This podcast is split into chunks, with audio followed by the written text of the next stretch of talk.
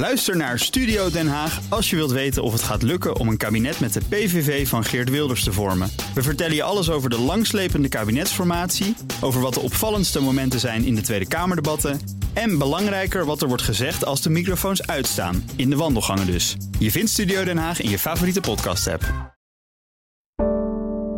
Goedemorgen van het FD. Ik ben Roger Cohen en het is vrijdag 16 februari. DSM wil minder kwetsbaar zijn voor wisselvallige vitamineprijzen en kondigt dus een afsplitsing aan. Alle takken behalve die diervoedingstak doen het eigenlijk best wel goed. Nederland heeft een funderingsprobleem. Ik heb huizen gezien die helemaal schots en scheef staan. Dat kan miljarden gaan kosten. Vrij Nederland, ooit succesvol, daarna niet vooruit te branden. Toch is er iemand die het vuurtje weer wil aanwakkeren. Dat is uh, Sander Heijnen. Dat is een uh, journalist, boekenschrijver en ook ondernemer. Dit is de dagkoers van het FD. Voordat we beginnen, eerst even dit. Wil je onze verhalen niet alleen luisteren, maar ook lezen? Probeer dan het FD. Vier weken voor slechts 1 euro. Ga naar fd.nl/slash dagkoers en meld je aan. Ingrediëntenmaker DSM Firmenich gaat een deel van het bedrijf afsplitsen. Het gaat om de tak die ingrediënten en vitamines maakt voor diervoeding. Er werken daar wereldwijd zo'n 6000 mensen. Redacteur voedselketens Maureen Blankenstein legt uit waarom DSM deze keuze maakt. De tak staat al langer onder druk, omdat de vitamineprijzen eigenlijk al langer volatiel zijn. Ze zijn vaak gewoon al heel erg lang, heel erg laag wereldwijd. En dat drukt eigenlijk altijd het bruto bedrijfsresultaat van die divisie, maar ook over het algemeen de bedrijfsresultaten. Is dit een uh, voor de hand liggende timing? Dimitri de Vreese die zei in de toelichtingen voor de analisten, zei hij ook dat het eigenlijk de bedoeling was om het later pas uh, te analyseren of het portfolio nog wel helemaal goed was en goed paste allemaal. Maar ze hebben het toch naar voren gehaald vanwege de marktomstandigheden. Dus de markt voor vitamines trekt maar niet goed genoeg aan. Oké, beleggers lijken blij te zijn met dit nieuws, want de koers uh, ging gistermiddag in ieder geval omhoog na dit nieuws. Waarom zijn ze hier zo positief over? Heb je daar een idee bij? Nou, wat je ziet als je kijkt naar de bedrijfsresultaten nu, dat eigenlijk alle takken, behalve die diervoedingstak, doen het eigenlijk best wel goed.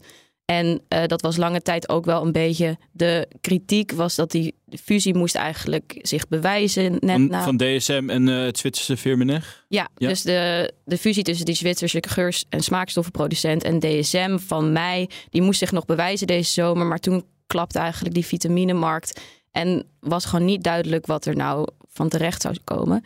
En nu kan je dus eigenlijk zien dat die takken behalve diervoeding doen het eigenlijk wel goed.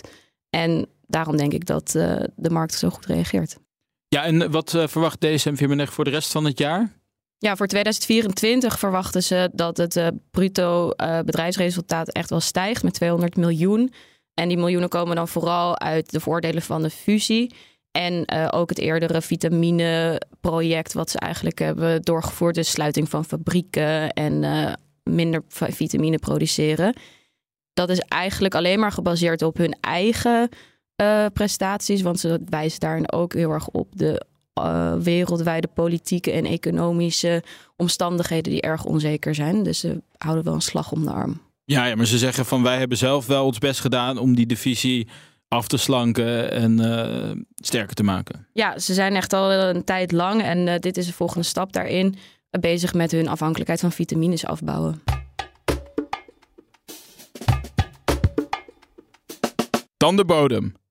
Die is kletsnat of juist kurkdroog. Honderdduizenden huizen zijn daar niet tegen bestand. Reparaties aan de funderingen gaat tientallen miljarden kosten. Redacteur regionale economie Frank Gersdorf nam een kijkje. Ik heb huizen gezien die helemaal schots en scheef staan en waar uiteindelijk geen andere oplossing zal zijn dan dat ze worden gesloopt. Wat, is, wat gaat er dan precies mis? Want die huizen die staan daar al jaren. Waarom wordt het nu een probleem dat uh, die huizen dan wegzakken? Uh, nou, dat heeft veel te maken met de droogte van de afgelopen jaar. Voor, in 2018 voor het eerst. Ja, en die droge periodes die worden gewijd aan klimaatveranderingen. Want hoe groot is het probleem van huizen die uh, slechte, zwakke funderingen hebben? Nou ja, dan gaat het om honderdduizenden woningen, misschien wel een miljoen. Maar dat wil helemaal niet zeggen dat die allemaal moeten worden gesloopt. Nee, dat zal waarschijnlijk maar een klein gedeelte zijn. En de rest, ja, dan zou je gewoon de fundering moeten, moeten vernieuwen. En wat zou de oplossing moeten zijn voor al deze woningen? Dat is nog niet helemaal bekend. Dat is, ehm, ja, technisch is natuurlijk heel veel mogelijk, maar dan krijg je ook wel een behoorlijk gepeperde rekening. Dus eh, we zijn eigenlijk nog met z'n allen op zoek naar de, de, de beste oplossing die dan ook betaalbaar is. Ja, want je sprak één uh, huizenbezitter die had er een uh, dure auto uh, ingestoken hè, om zijn huis weer, weer recht te krijgen. Dat was eigenaar van een oude boerderij en hij is tegelijkertijd technische adviseur voor bouwbedrijven. Dus hij weet wel waar hij over praat. En um, hij was zelf maar aan de gang gegaan en dat had hem enkele tonnen gekost. En ook huizen die helemaal geen fundering hebben, hè? begrijp ik. Er zijn inderdaad heel veel huizen die in de jaren 30 zijn gebouwd, uh, die, die, die er snel moesten komen, omdat uh, dat, dat, uh, dat het werk toenam. arbeiderswoningen zijn dit. En het was in die tijd gewoon heel duur om funderingen te bouwen. Dus dat is destijds overgeslagen, maar ook met de gedachte van die woningen blijven hier niet voor de eeuwigheid staan. En is er een idee van hoeveel dit allemaal gaat kosten? De schattingen die lopen uiteen van, um, nou, die lopen op tot uh, tientallen miljarden euro's. Maar dan heb je het over de periode tot en met ongeveer 2050. Dus dat is niet allemaal dat we dat morgen moeten doen. Oké, okay, er wordt gewezen naar verschillende instanties dit, die dit zouden moeten betalen. Hè? Provincies, het Rijk, gemeentes. Uh, ja, zeg ik vergeet, het al goed? Vergeet ook niet de, de banken eventueel, de hypotheekverstrekkers, taxateurs spelen het ook misschien een rol. Uh, verzekeringsmaatschappijen. Dus dat is echt nog wel een vraag. Wie gaat het betalen? En wordt daar al over gediscussieerd of onderhandeld? Of is dit pas het begin van een uh, debat? Nou, het debat is al een enige tijd gaande, maar het is nooit zo centraal gevoerd. Den Haag heeft altijd een beetje weggekeken. Eigenlijk tot vorig jaar, eind vorig jaar, toen Hugo de Jonge, minister van, uh, van Binnenlandse Zaken, het op de politieke agenda zette. Hij heeft de Raad voor de Leefomgeving gevraagd om voor uh, 1 maart met een, met een advies te komen. Tot slot Vrij Nederland. Ooit het linkse weekblad. Maar al sinds de jaren 80 in verval. De huidige eigenaar WPG werd ooit opgericht om het blad in leven te houden. Maar heeft het nu aan iemand anders toevertrouwd. Mediaredacteur Jeroen Piersma weet waarom. WPG heeft vorig jaar het roer flink omgegooid. Hè. Ze schaakten altijd op drie borden. Uh, enerzijds literaire uitgeverijen zoals De Bezige Bij. Anderzijds educatieve uitgeverij zoals Zwijzen. En dan ook nog een aantal uh, week- en maandbladen, waaronder Vrij Nederland. Nou, vorig jaar hebben ze echt gekozen voor literaire uitgeverijen. Ze hebben Zwijzen verkocht. Ze hebben bladen verkocht. En eigenlijk was Vrij Nederland de enige nog overgebleven partij.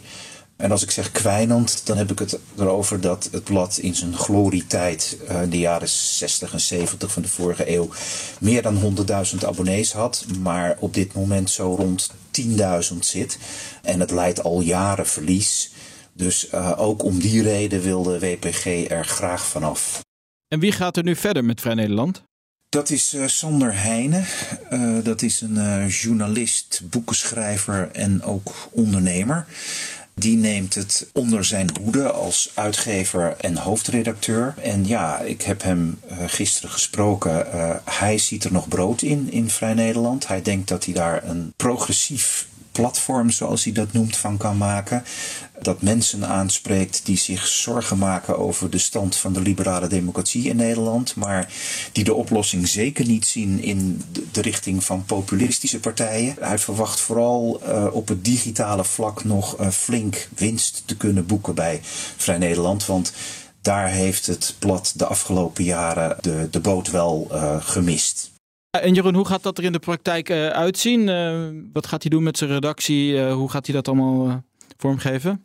Hij um, gaat um, intrekken bij Pakhuis de Zwijger, een stichting die um, debatten organiseert. In Amsterdam, hij trekt hè? daarbij in en ze gaan in Amsterdam, ja. En ze gaan zaken als huisvestingskosten, marketingkosten, administratie gaan ze delen met elkaar. Maar hij krijgt ook een bruidschat mee van WPG. Ze willen niet vertellen hoeveel dat is, maar ik heb eerder al een keer gehoord dat het om 2 miljoen gaat.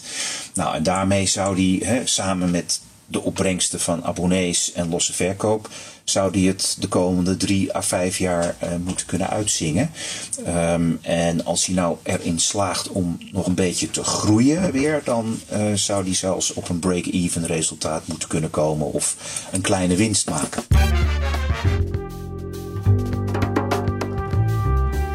Dit was de dagkoers van het FD. Morgen zijn we er weer. Het laatste financieel-economische nieuws vind je in onze app. Voor nu een hele fijne dag en graag tot maandag.